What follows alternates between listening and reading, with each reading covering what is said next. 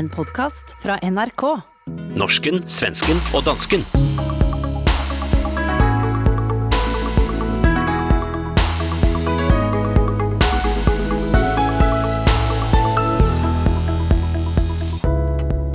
Storfilmen Margrethe den Første har straks premiere, men er vi rigget for en ny Kalmarunion?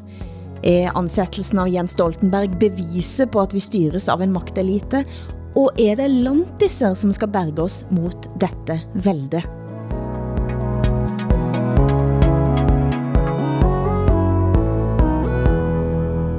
Velkommen til Pan-Skandinavisk familieterapi på sofaen svenske Åsa Linderborg, dansker som Preisler og mig, Hilde Sandvik. Igen nedsunket i hver vår by, hvert vår land og lure på, hadde det ikke været bedre om vi hadde haft samme pass, delt union, kongefamilie og skatteseddel? Hvad ville have skjedd med oss da? Aller først så må jeg bare sige, at til de som tog, tog kontakt med mig og påstod at jeg forveksler Bjørn Dærlig med Petter Nordtug sist uke, så vil jeg sige dette. Nordtug er en copycat.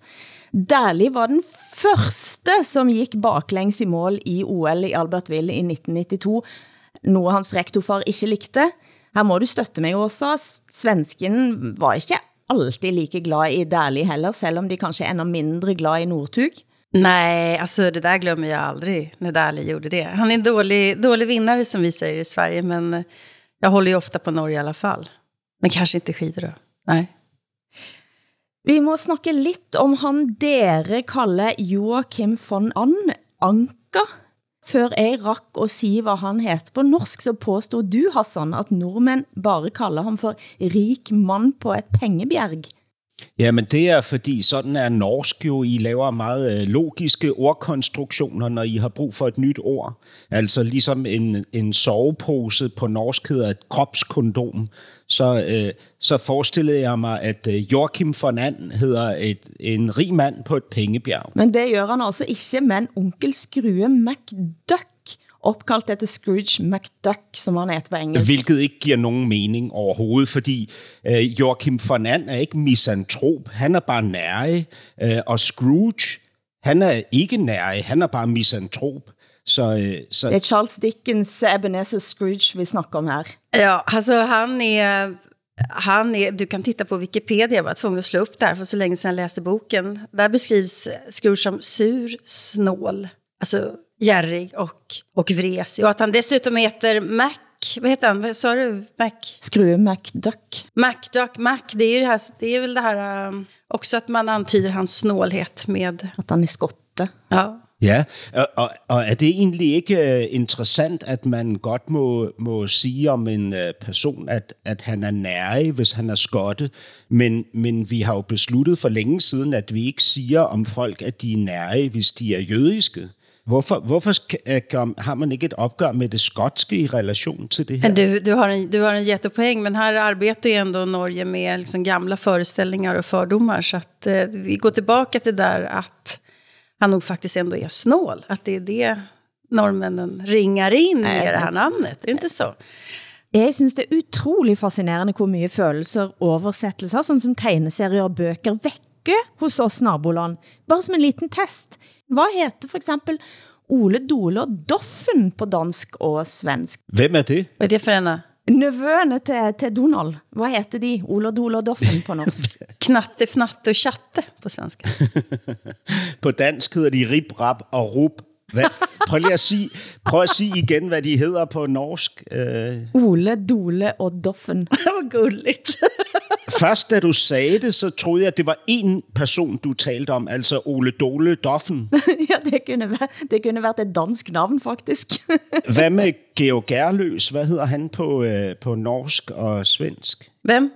Hvad så det? Georg Gerløs. Peter Smart, selvfølgelig. Ja, så opfinder Jukke. Opfinder Jokke. Det, og det, det, det er faktisk et meget norsk navn, han har fået på svensk. Ikke? Han hedder Opfinder Jokke. Ikke? Dette minder mig om da Jonas Gardell og Mark eh, Levengood for nogle år siden gik helt amok i sin podd over den norske oversættelsen av Harry Potter.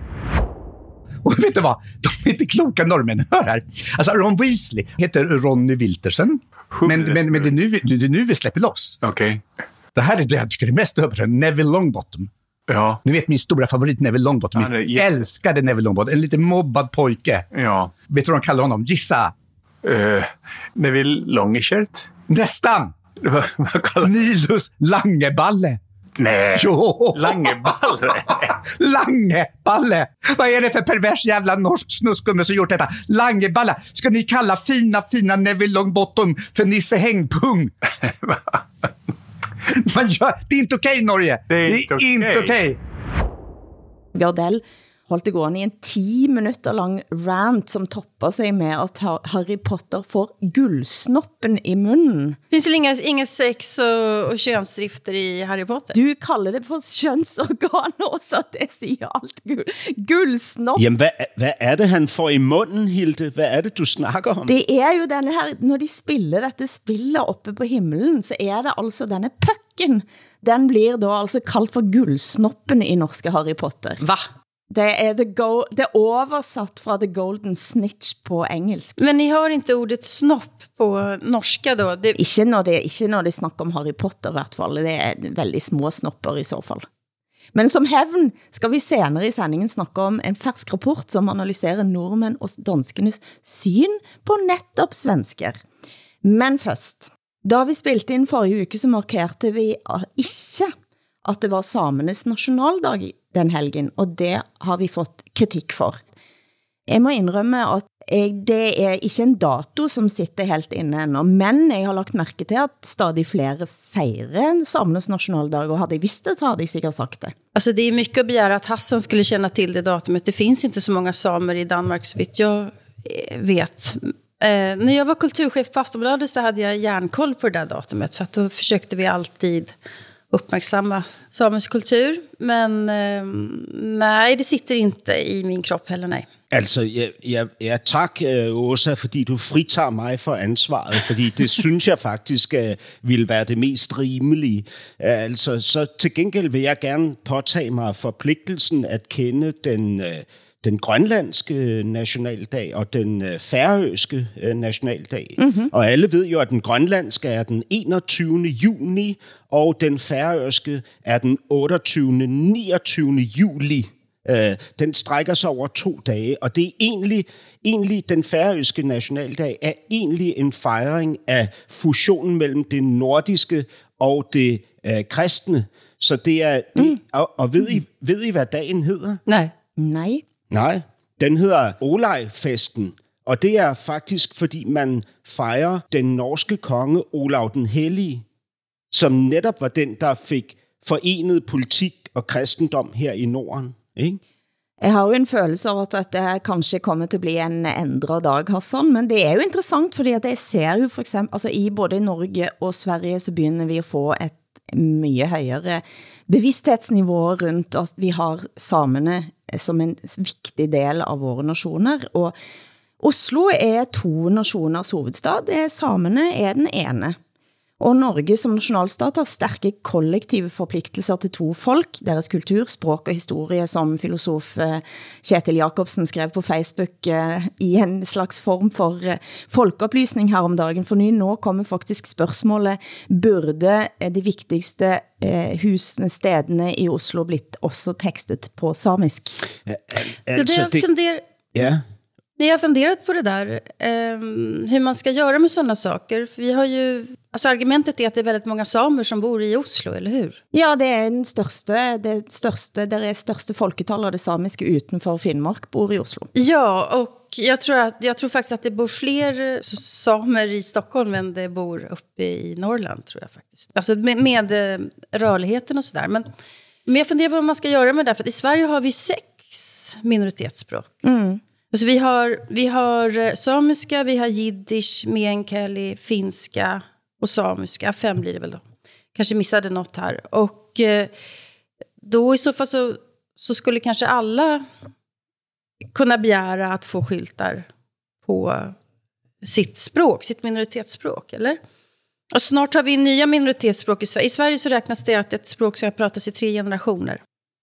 Men det er forskel på urfolk og minoriteter. Det er vel kanskje det som er den store diskussionen. Ja. Det är också liksom ganska Ska man dra sådana gränser till exempel? Det... Altså, I, I, I får jo et problem i Oslo, fordi øh, som vi ved, så er der jo øh, seks forskellige samiske skriftsprog, som faktisk øh, adskiller sig ret meget fra hinanden. Så det er jo også noget med at beslutte, om det skal være sydsamisk, lulesamisk, nordsamisk, enarsamisk, øh, skotlapsamisk eller kildinsamisk, ikke? Ja. Men Hassan, ja. du må give os en op, kort opdatering på det danske regeringskabinettet. Har det været nogle ro- omrokeringer, har vi fået med os så vidt? Ja, naturligvis. Øh, vi har jo øh, en transportminister, som på baggrund af et en mistillidserklæring fra støttepartiet Enhedslisten er blevet tvunget til at gå af, fordi han øh, kendte til nogle øh, tal på klimaområdet i forhold til den nye store øh, nationale plan for transport øh, i fremtiden, som han ikke delte med Folketingets partier, især støttepartierne.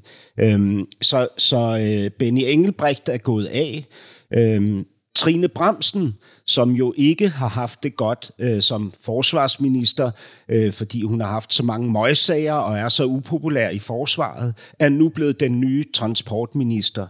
Øhm, og øh, så er skatteminister Morten Bødskov blevet ny forsvarsminister. Som Mette Frederiksen siger, så har man indsat en af de helt tunge drenge i forsvarsministeriet, for ligesom at kunne matche det pres, der kommer øh, derfra. Ikke? Skatteministeren, øh, øh, Morten Bødskov, som nu er blevet flyttet, har i øvrigt også en øh, møgssag i sin slipstrøm, som også handler om nogle skjulte tal i relation til klimaet. Så øh, de her, Ej, ej, ej. Ja, de her ministre er, øh, virker lidt som om, at de er sat øh, i et vildt øh, flugtrit fra ministerium til ministerium, i håbet om, at de ikke bliver bidt i numsen af de her sager. De, ved I, hvad numsen er? Numse? Ja, numsen hvad er. Rumpan. Ja, at de ikke bliver bidt i numsen af alle deres møgssager. Øhm, Møgsak, ja, møgsaker for et herligt ord, Hassan, det må jeg bare, det må jeg bare sige. ja, det er ikke mig, der har fundet på det, men tak alligevel.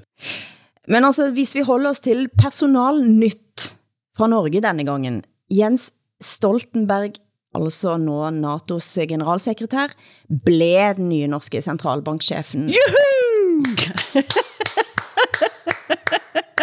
Finansverdens kvinder tapte, mener Alexandra Morris, altså in- investeringschef på Skagenfondet, ifølge E24. Hvad tænker dere?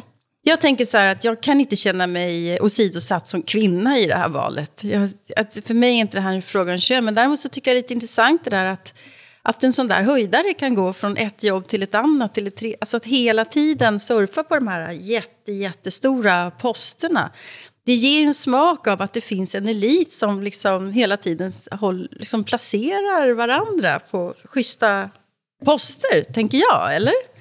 Han är säkert kompetent, men... eh, Jeg synes, det er en meget, meget klog øh, kon- konklusion, du, du øh, kommer med, Åsa. Jeg, Den är banal, Hassan. Jeg synes også, det virker som om, at der findes en, øh, en magtfuld elite, som øh, udveksler poster. Jeg er enig. Nå er Stoltenberg-dynastiet i Norge kanskje det nærmeste en kommer med en Kennedy- eller Clinton-familie. Ja. Eh, men eh, Og man kunne faktisk kalde Stoltenberg for øh, en rig mand på et pengebjerg. øh, hvis man vil. det kan høres mystisk ut, sa Kristin Klemmet eh, øh, i en artikel i Klassekampen i helgen, men det er ikke til at komme fra at også folk i toppositioner kender hverandre og træffer hverandre. Kristin Clemmet leder tankesmien Civital, altså, eh, som er mer på højresiden og, og kunne ha brugt anledningen til at, at hamre løs mot dette AP-netværket, men hun citerte også altså Einar Førde, som den gangen var NRK-chef og Arbeiderpartimann. Han sa en gang at hvis ikke to ansatte i NRK kan være kærester, så vil Norge bryte sammen. Altså det er fordi det er et ganske lite land da. Men det er vanskelig og likevel komme unna tanken om eliter eh, også, og eh, jeg læste denne uken at Sverigedemokraternes chefsideolog Mathias Karlsson var på rejse på en landsbygd turné for at nå ut til lantiser. Og der må du forklare mig, hvad er en lantis? Ni har inte det ordet på norska och danska kanske, men en lantis det är slang eller förkortning för eh, någon som bor på landet helt enkelt. Bønder, eller, eller Nej, det är nog inte att man är bonde, utan snarare att man är ja, helt vanligt folk. Man kan jobba inom vården eller man kan vara småföretagare eller man kan eh, jobba inom järnverken eller någonting sånt där. Men man bor helt enkelt på landsbygden. Och då är man en lantis och man tillhör helt enkelt inte den här politiska klassen eller etablissemanget eller Södermalmsgräddan som jag tillhör. Och jag tycker det är så... reaktionerna, reaktionerna på att, att eh, Mattias Karlsson ska ut nu i landet väcker ju ramaskri då för att man är rädd att, den här, att Sverigedemokraterna vet någonting som många andra partier inte vet något om och framförallt inte den här babblande klassen då som sitta här på Södermalm. Och det blev så otroligt tydligt det han vill illustrera. Vi hade en partiledardebatt i TV4 häromdagen där hela fonden i tv-studion var ett foto över Södermalm. Och jag trodde att det var ett skämt. Jag trodde att, eh, att framförallt trodde jag att någon partiledare skulle liksom ta tillfället i akt och säga att det här är ju en, en illustration bara av vilka som styr landet och att allt bara utgår från Stockholm och Stockholmsperspektivet. Och så stod hon där med Södermalm i bakgrunden och pratade om behovet av en ny gruvnäring i Sverige. Och eh, säger det smöras nu för landsbygden, alla pratar om Norrland och batterifabriker och så vidare. Men det var Södermalm i bakgrunden. Det var helt bisarrt var det. Så det är klart att eh, ja, det finns många poänger för Mattias Karlsson, eller vem som än vill prata om landsbygden på riktigt åka runt, att göra där. Ja. Vi, vi havde faktisk øh, i Danmark, der oprettede vi et ord, som kunne dække øh, den person derude, som, ikke er, som vi ikke havde et ord for. Og det er ordet udkantsdansker.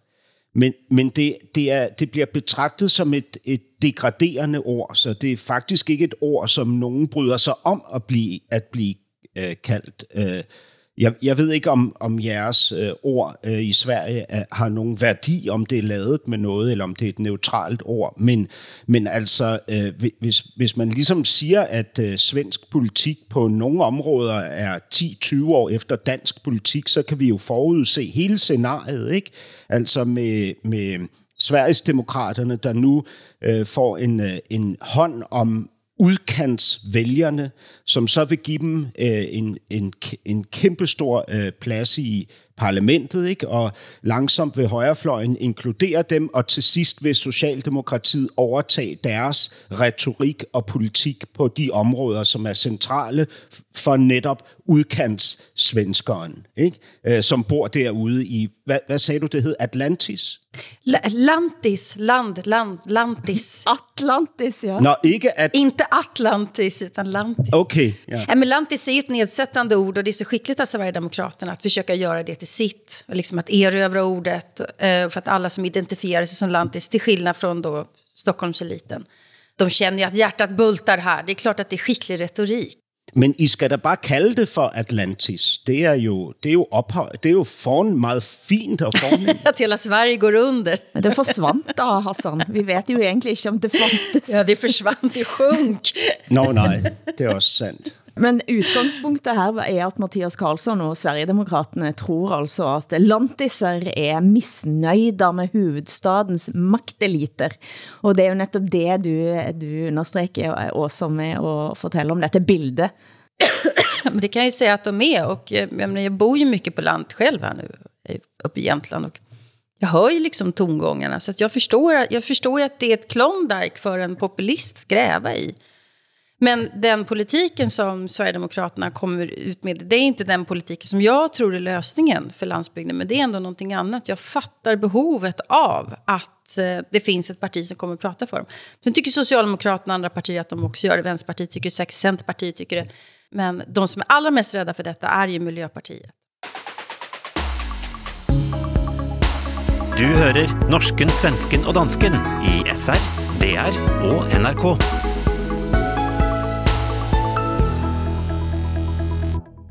Forrige uke gik debatten på DR højt ut på Facebook og spurgte seerne sine. To år med corona, med beslutningen om at restriktionerne afsluttes, vil vi gerne høres jeres bud. Hvad bør Danmark og det danske demokratiet lære av de sidste to år?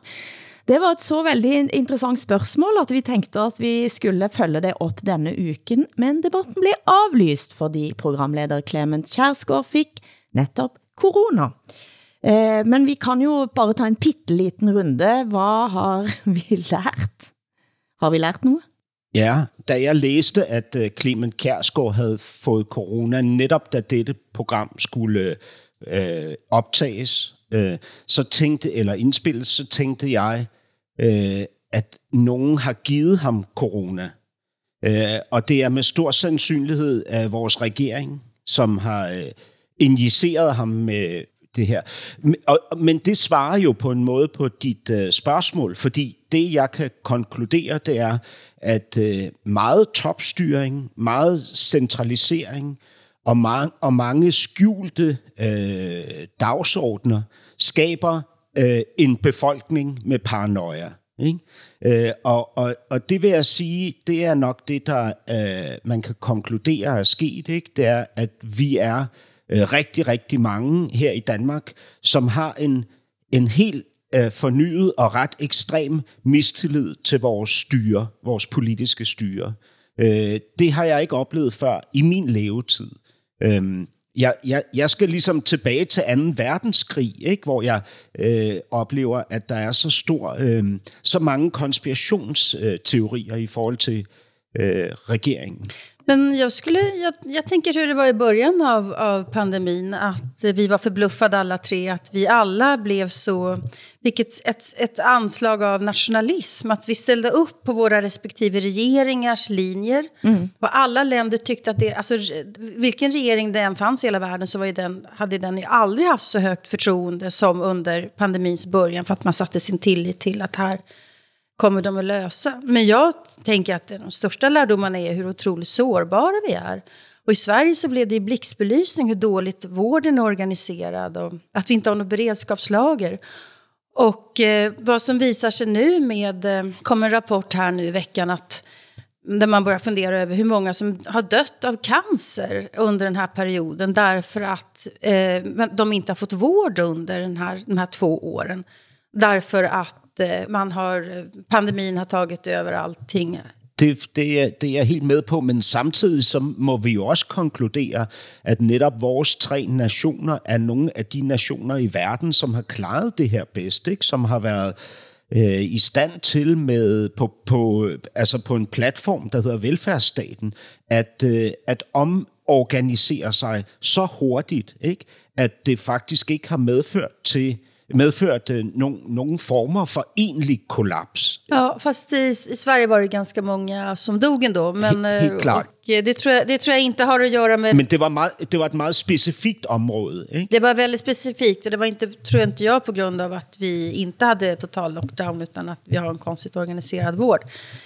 Men, eh, men det är ju ändå, alltså jag tror att fram, alltså man, man kommer att eh, omvärdera och utvärdera de här två åren i många, många, många, många år framöver. Och de som har varit så tvärsäkra om exakt hur man ska göra, de tror jag kommer att fätta upp sina hattar ganska många gånger faktiskt. Beredskap, som du sa, også er jo et vigtigt stikkord. Eh, og der er vi over på næste tema, for spørgsmålet er, hadde det ikke været så mye bedre, hvis vi var sammen?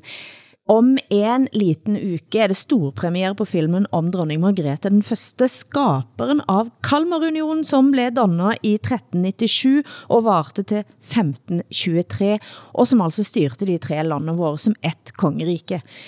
I den forbindelse tænkte jeg at lodde stemningen for hvorvidt vi kunne ha greid at samle oss i en Kalmar-union igen. Og ga, la oss gå ret til kjernen, først stille spørgsmålet, hvad synes vi, altså du og mig, Hassan, eller eh, Norge og Danmark, om svenskene? Pratar ni om mig nu eller om Sverige? Ja, jeg må bare sige, at utvalget her i podden er så lite og Åsa så karismatisk, at det er vanskelig at trække nogen videnskabelig holdbare konklusioner akkurat her i, blandt oss tre. Ja, Men tack. derimot så slapp Svenska institutet i fjor en rapport som ser på netop bilden av Sverige i Norden. En studie i Danmark, Finland, Island og Norge med 1000 tilfældige utvalgte respondenter i hvert respektive land. Dere har nu endelig rukket at se lidt på den rapporten, og fandt dere noget interessant? Ja, men, eh, nu jag fann det som jag själv ofta har pratat om, bland annat här i vår podd, om att ni uppfattar inte Sverige som landet lagom. Eh, det, här, det ordet har ju inte ni riktigt, men... ehm, Nej, og hvad er det, det betyder?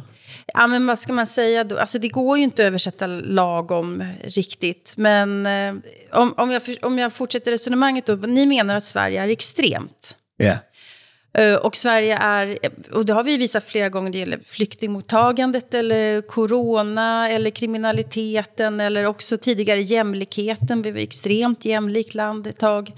Vi är extrema nu när det gäller att öka ojämlikheten och vi har varit extrema med alltså klimatretoriken och Greta Thunberg och vi är extrema med metoo och så där. Så att Sverige är ju ett extremt land och inte inte landet lagom eller landet mellanmjölk som vi brukar kalla oss för. Och det håller jag ju med om. Den iakttagelsen som ni har gjort, den stämmer ju. Jamen altså, øh, ja, ja, ja, hvis jeg må, altså, jeg synes, det er bemærkelsesværdigt, at 15 procent af danskerne kun kender til Sverige ved navn. Ja, det står det faktisk. Va? Ja, det, missade jag. Vad tror ni att vi heter då? Jamen, jeg sagde det for at teste din reaktion, Åsa. Øh, fordi jeg vidste faktisk, at du ville reagere ved at sige, hvad? Fordi det er, det er jo klassisk svensk, at man tror, man har meget, meget stor betydning. Så stor betydning, at man skal have, at man skal have noget, som fucking hedder det svenske institut. Ikke? Svenska instituten er altså de, som har skrevet denne rapporten, som vi snakker om. som, er, som har, kun har den funktion at skabe opmærksomhed omkring Sverige. Hvad, hvad er det? Ja, ja, absolut. Ja, Det är en myndighet till och med. Det er en myndighed. Ja, ja, nej, men- nej men eh, visst. Men, men jag måste ändå fråga, vad, vad, säg, vad, vad, vad var det du sa? Är det bara 15 procent av alla danskar som vet att Sverige heter Sverige? Var det det du sa? Nej. Det står som kun kender til Sverige ved navn, altså de vet ingen, ingenting andet. De vet kun at Sverige findes.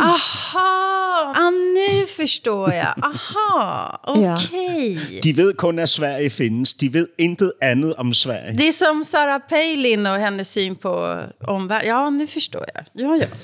I forordet til rapporten skriver Johan Strang, bitrædende professor i Centrum for Nordenstudier i Helsingfors. Jeg brukar ibland definera Norden som en samling länder med ett komplicerat förhållande till Sverige. Det, Det er jo næsten poetisk. det, det har jag ju själv. Så att jag, alltså jag, när jag läser om hur Norge och Danmark betraktar Sverige så känner jag att, eh, att jag förstår mycket väl eh, vad ni pratar om. Och sen den här arrogansen som ni tycker att svenskar ofta har. Ni både tycker om oss men tycker att vi är väldigt stöddiga hela tiden och vet bäst och så. Och det är ju...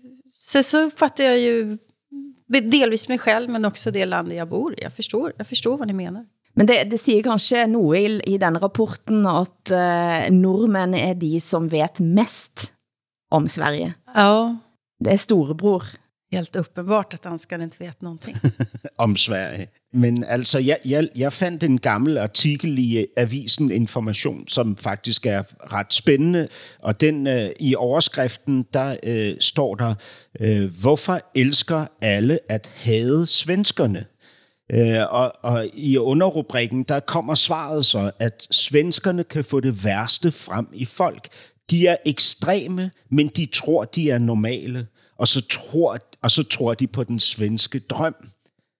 Men i virkeligheden så bliver Sverige jo opfattet som utopien, hvor dystopien lurer lige om hjørnet. Just det. Just, just det. Och att vi är naiva tycker ni också. Förstår man av den här... um, Vi är, inte alls, vi är inte alls så rationella som vi tror, utan vi är väldigt naiva. Mm.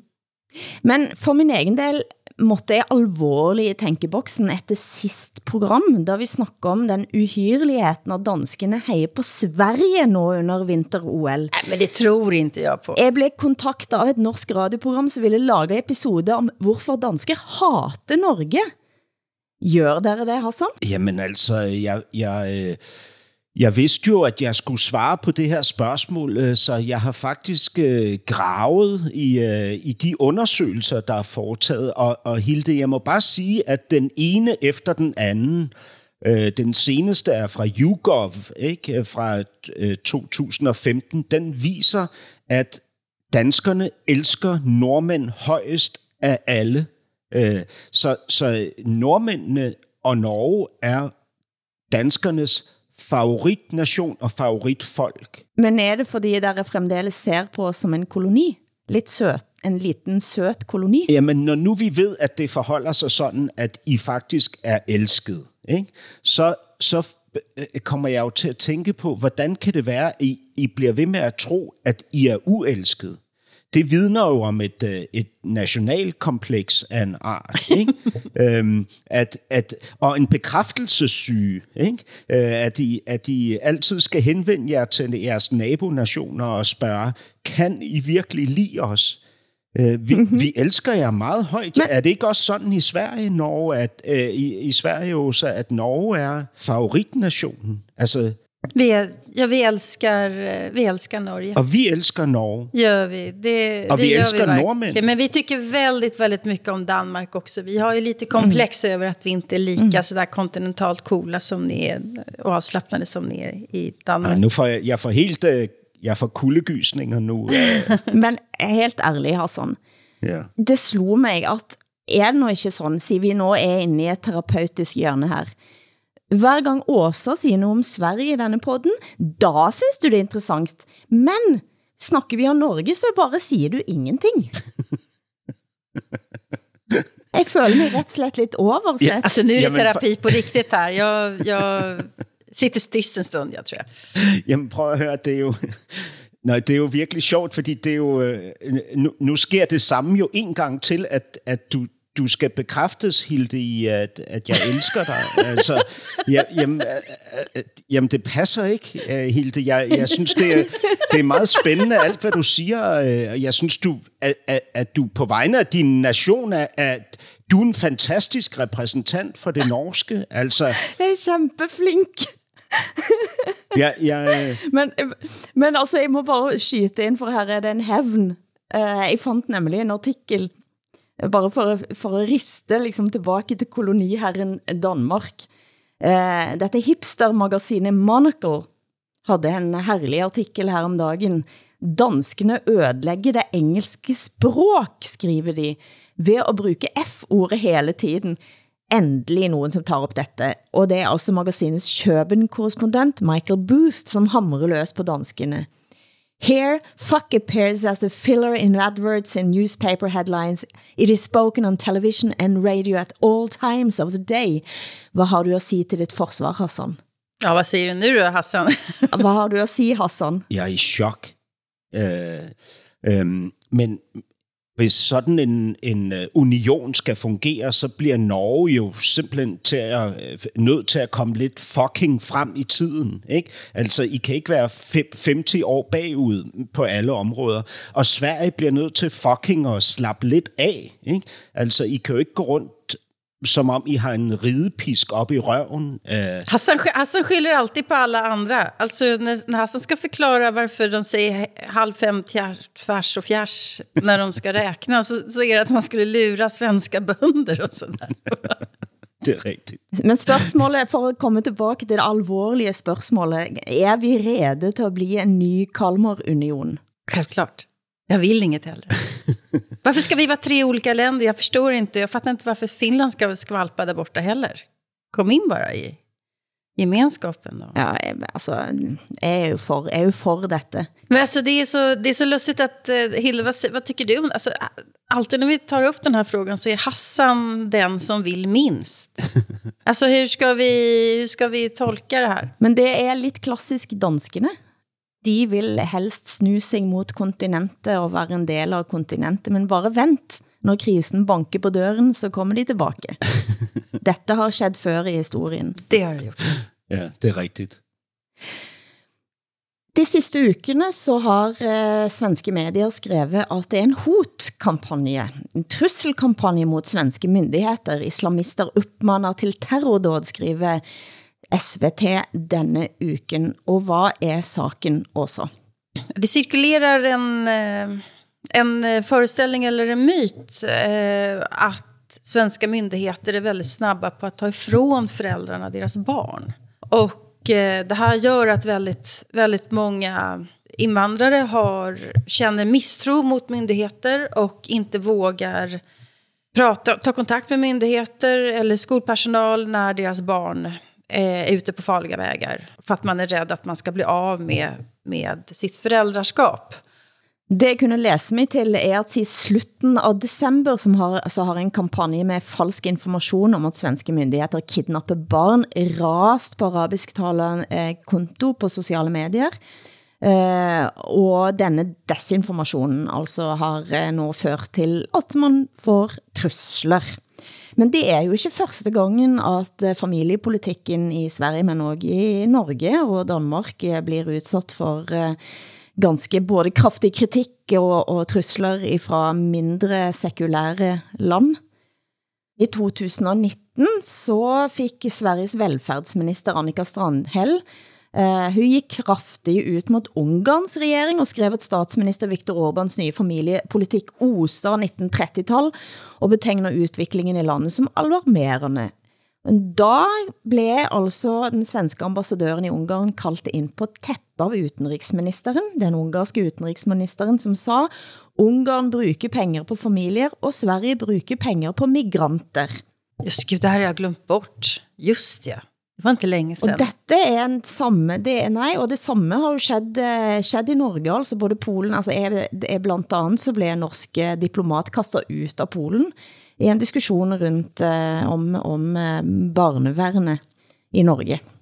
Altså i Danmark har vi jo også oplevet det her øh, naturligvis igennem mange år. Øh, at ligesom blive mødt med den her forestilling fra øh, ja, som fra regimer, som jo ikke burde have for travlt. Ikke?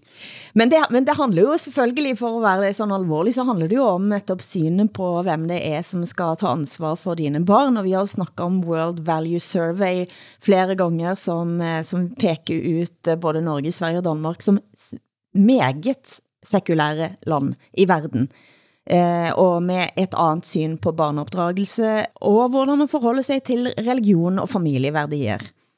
Så man kunne jo læse ret ut av de kurvene, hvorfor det er sådan, at store deler av verden reagerer på det at staten, altså at barn blir statens barn da, ifra vugge til eh, død. Ja, og det, det, men, men prøv at høre, det diskuterer vi jo også i Danmark. Ikke? Vi diskuterer det jo netop i forhold til, at Mette Frederiksen i starten af sin regeringsperiode kaldte sig børnenes statsminister, og at der ligesom var en kritik af, at hun ønskede, at staten skulle have flere rettigheder i forhold til børnene, og forældrene dermed skulle have reduceret deres rettigheder. Ikke? I, øh, og det, det, er, det bliver jo diskuteret i vores nationer. Jeg forstår godt, at man kan have det perspektiv øh, ude i verden, at, øh, at det ligesom er staten, der har den fulde ejendom over børnene, naturligvis, men det er altså, det, det er jo også helt tosset, fordi øh, det er jo ikke sådan, det foregår i praksis overhovedet. Det er jo også en fordom, som ligesom er til for at, øh, at imødekomme en kritik, man er blevet mødt af. Ikke? Så det er en, der, der er jo en, en form for hævngærighed i at, øh, at demonstrere sådan et syn på, på de nordiske stater. Altså, det er jo tosset. Ja, for det, jeg tænker at skal vi ha en ny Kalmarunion, så er noget af dette som må ligge fast, eller? Hvad siger dere? Hvad er det, som ligger fast? Synet på barns autonomi, for eksempel. Og, Absolut, själv, självklart.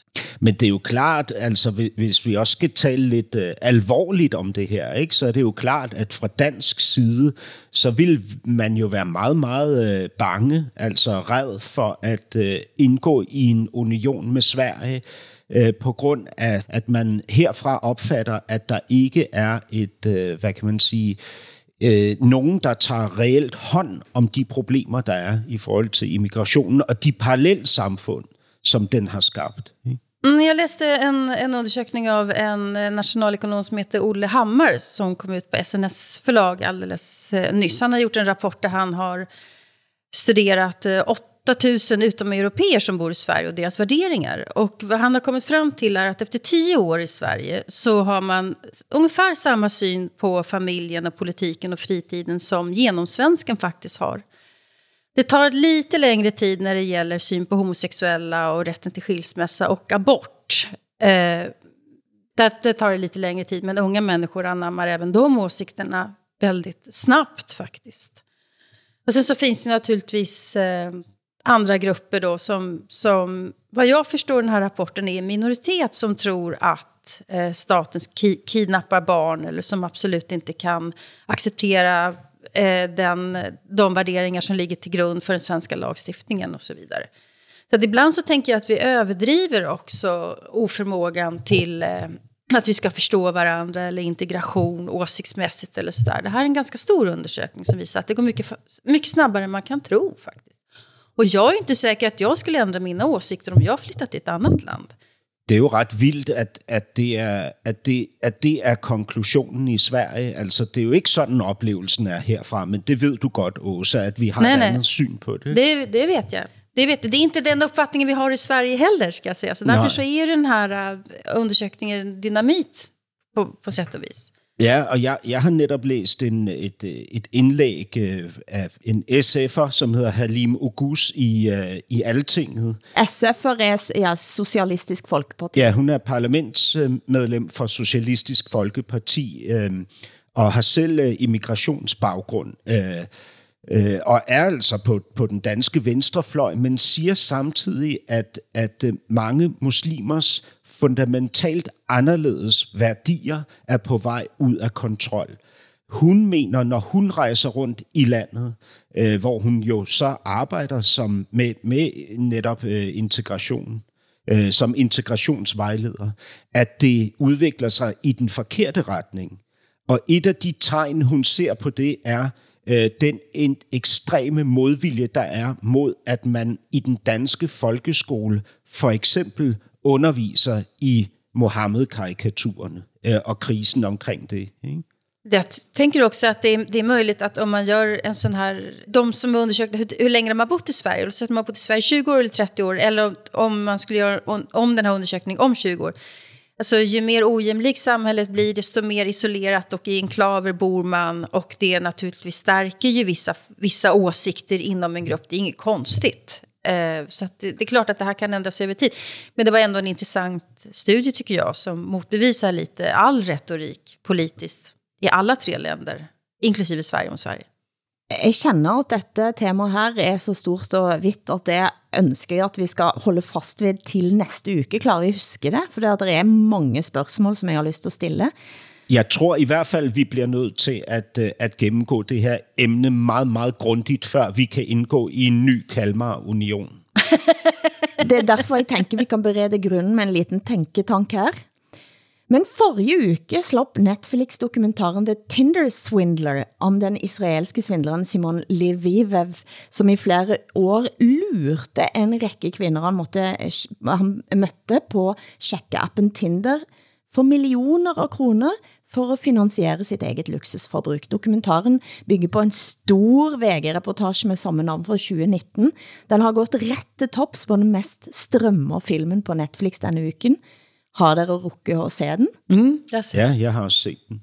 Det, det er helt sindssygt. Altså, øh, hold, hold kæft, hvor er det vildt. Altså, Det er de tre, bare for helt kort, for de som ikke har fået det med sig, de tre kvinder, som står fremme i filmen, fortæller hvordan de blev lurt, er norske Cecilie Skrø- Schrøder Fjellhøj, svenske Pernille Sjøholm og nederlandske Eileen Charlotte, Eh, som altså fortæller sin historie. ja, og det er vigtigt at sige, at det, det siger ikke noget om norske og svenske kvinder, eller om danske kvinder, at de, at de skulle være klogere, at en dansk kvinde ikke er blevet narret, fordi øhm, det, det, altså det, det her, det hopper man på. Altså, det er, det er en mand, som er i stand til at tale direkte ind i ens øh, drømme. Ikke? Altså, han kan gennemskue, hvilket narrativ han skal opbygge, og så gør han det formfuldt. Ikke?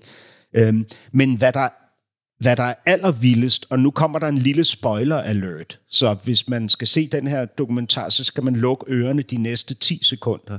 Hvad der er allervildest, det er jo, at han stadig eksisterer og praktiserer, og at kvinder kaster sig i armene på ham, også i dag, på trods af, at de ved alt dette her. Ikke? Det er jo vildt, altså. Han är ju extremt skicklig och eh, hur han lägger upp en hotbild mot sig och han har en hel stab av män som hjälper honom i det här bedrägeriet också. Men jag, jag funderar över min egen reaktion, för jag såg den här filmen, jag tyckte den var fantastisk, den var snyggt gjord, otroligt välberättad och jag måste också säga att VGs reportage eh, 2019 var också extremt läckert utfört. Snyggt, well done. Men jag funderar över min e-, egen reaktion. För för jag reagerar så som jag tror att de flesta gör när man hör talas om någon som vi på svenska säger då kallas för sol och vårad. Alltså man blir lurad av en man som, som liksom tar ens pengar. Så blev jag arg på de här kvinnorna, jag blev sint på dem och tycker gud vad naiva, att de inte fattar det här och hur kan de gå på det där? Eh, och, och sen så tänkte jag ett steg till hur otroligt skicklig han är och vad modiga de här kvinnorna är som berättar. För det är ju så lätt att skuldbelägga dem och skambelägga dem. Men de går ut med namn och bild och, och talar om vad de har varit med om. Och jag, jag är djupt imponerad. Djupt imponerad. Och det kan man säga att detta är ju bara tre av väldigt många kvinnor som han har lurt. Och då lurte jag på, om det at det er en svensk og en norsk og en nederlandsk og for så vidt, som, som vælger at fortælle på Netflix-dokumentaren, at det kanskje kan sige noget.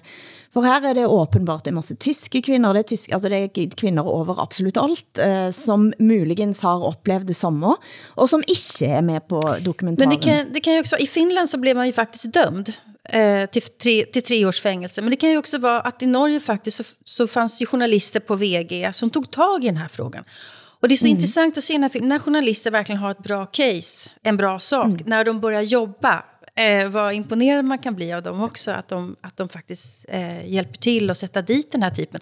Det som provocerar mig så himla mycket är att han inte är dömd.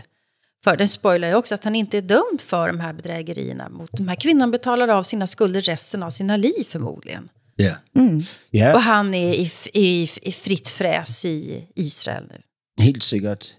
Jeg, jeg har det ligesom du har det, også, at jeg er meget imponeret over de her tre kvinder, som står frem, ikke? fordi det er ikke flatterende, altså øh, i, i udgangspunktet.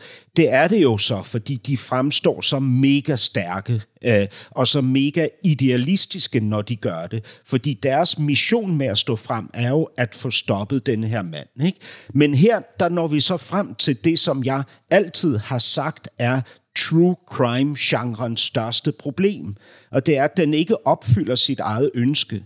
Den gør jo det modsatte.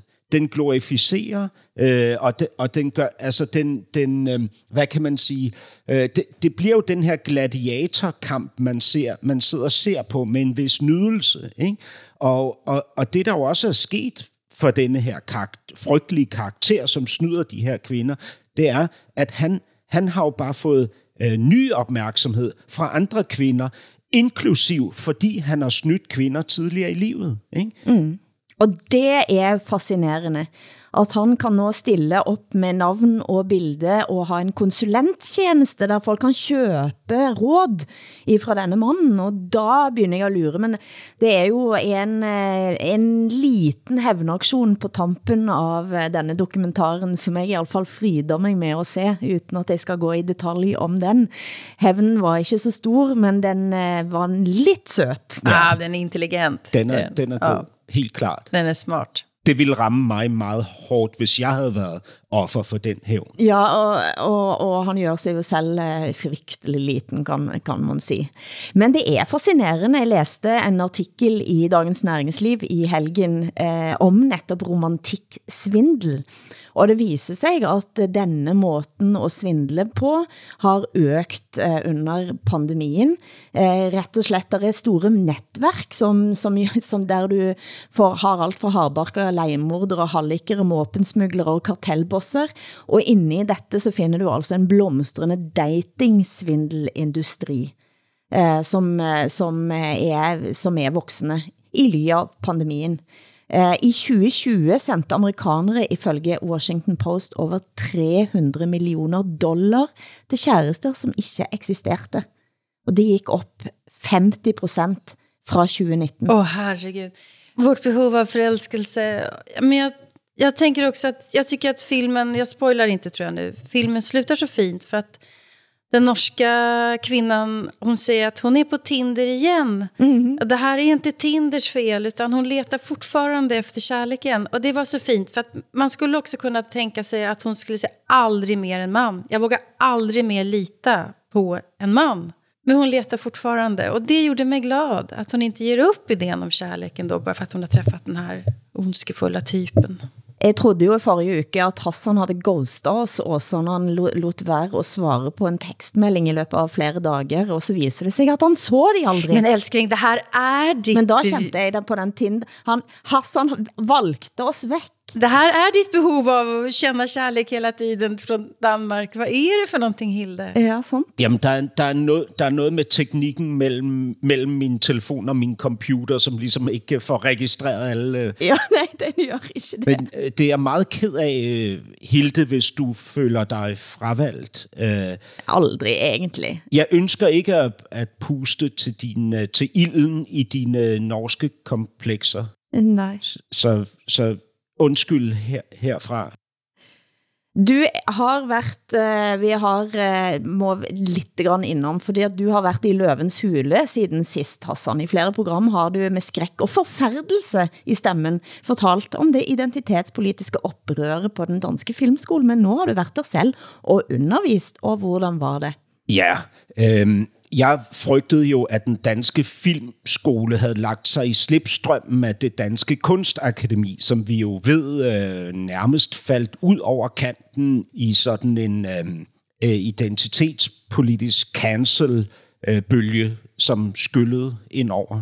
Øh, ja, altså det var jo øh, det var en, det var en meget overraskende oplevelse at komme derud, og jeg, jeg skal jo ikke for, sidde her og fortælle i detaljer om studerende eller undervisere derude. Jeg vil bare sige, at, øh, at mediernes billede af, hvad der sker på skolen, er øh, karikeret. Øhm, og at, øh, at der derude på den skole er en flok øh, elever, som er øh, meget, meget øh, kompetente mennesker. Altså virkelig ordentlige, efter ting som grundige og, og rimelige i deres øh, øh, analyser og betragtninger af verden. Og så stødte jeg på et menneske derude, som øh, anbefalede mig en øh, podcast. Øh, og nu kommer jeg jo til at bruge det ord, som vi ligesom har fået kritik for at bruge her i Danmark alt for ofte, men jeg kan ikke undgå at bruge det, fordi den podcast hedder Fucking Cancelled. Øh, og det, der er virkelig, virkelig interessant ved den her podcast, det er, at man her øh, hører, til, hører på unge mennesker fra den amerikanske venstrefløj. Altså, nogle af dem er ret radikalt ude på, den, på venstrefløjen. Men de samles altså i en modreaktion på øh, det, identi- det, de kalder det identitetspolitiske vanvid, som inkluderer den her cancel-kultur. Altså, de er stærkt utilfredse med, hvad der sker. Mange af dem har selv været viklet ind i den her kultur, men har ved hjælp af exit-programmer fundet en vej ud tilbage til menneskeheden. Øhm, det er meget smukt og interessant at lytte til. Så den hedder altså Fucking Cancelled, hvis man ønsker at lytte til den. Den ska, den ska jag lyssna på. Men jag blir, så, jag blir så glad när du säger att mediebilden inte stämmer av eh, øh, den här institutionen. Det gäller säkert väldigt många institutioner som, som vi bland annat har pratat om här. Och då blir ju det hela också ganska skrämmande. Att vi, eh, jag som ändå är journalist och kulturjournalist, det, det är vi ju allihopa i någon mening. Att vi så lätt låter oss påverkas av hur andra rapporterar kring de här institutionerna. Att det är betydligt mer mångfacetterat och komplicerat och högt i tak än vad, vad man påstår och än vad vi också har påstått här i den här podden. Så det är dags för lite självkritik kanske efter tanke. Og det viser også, eh, hvor godt det er at komme sig ut av lejligheden. Det er ikke bra for dig, Hassan, at du bare sitter inde under lockdown, har jeg tænkt, og du siger hele tiden, at det gør dig godt. Jamen, Jeg tror, det blir, du blir et frygtsomt passivt indemenneske av det. Du må komme dig mere ut og møte verden. Jeg, jeg tror, det er bedre for verden, øh, at jeg kommer ud til den, men det er jo godt for mig at sidde her og dyrke min egen paranoia. Det, Ja, der er jo ikke noget bedre, der er jo ikke noget bedre end at sidde i sin hule og, og dyrke sine egne vrangforestillinger. Det er jo det bedste af alting. Det nærmer sig slutten av ukens sending. Vi har snakket om elitevælde, det danske misbruket av F-ordet, og vi har begyndt at planlæggingen av en ny Kalmar-union med ny panskandinavisk enevældig dronning. Vi då går ut på et klip fra danske TV2 Nord med en oprørt dansk vælger, som slås for de tre sakene i en og samme person. Han vil ha enevælde, han vil ha slut på elitestyre, og han forbeholder sig retten til at bruge F-ordet minst en gang i hver sætning. Det blir sidste ord fra oss i ukens Norsken, Svensken og Dansken. Producent har været Henrik Hylland Ulving. Tak til Hassan Preisler i København, Åsa Linderborg i Stockholm. Jeg heter Hilde Sandvik i Bergen. Programmet er produceret av Broen XYZ for NRK, SR og DR, der redaktør for programmet er Ole Jarn Larsen. Vi høres igen om en uke. Men synes du så, der skal bruges flere penge i den øh, offentlige sektor? Jeg siger bare fuck. Fuck. Jamen, bruger de for meget eller for lidt? Fuck. Nu skal jeg fortælle dig, nu, nu skal jeg prøve at fortælle dig mit, mit syn på politik. Ved du hvad? Luk Christiansborg. Hvor meget har vi, jeg skulle have sagt? 10 procent, mand. Resten bestemmes ned i EU. Hold da kæft, det er til grin. Prøv at høre her. Dronning Margrethe. Hun skal indsætte enevælde. Så de skalde 10 procent, vi har, skulle have sagt, dem kan dronning Margrethe skulle godt varetage.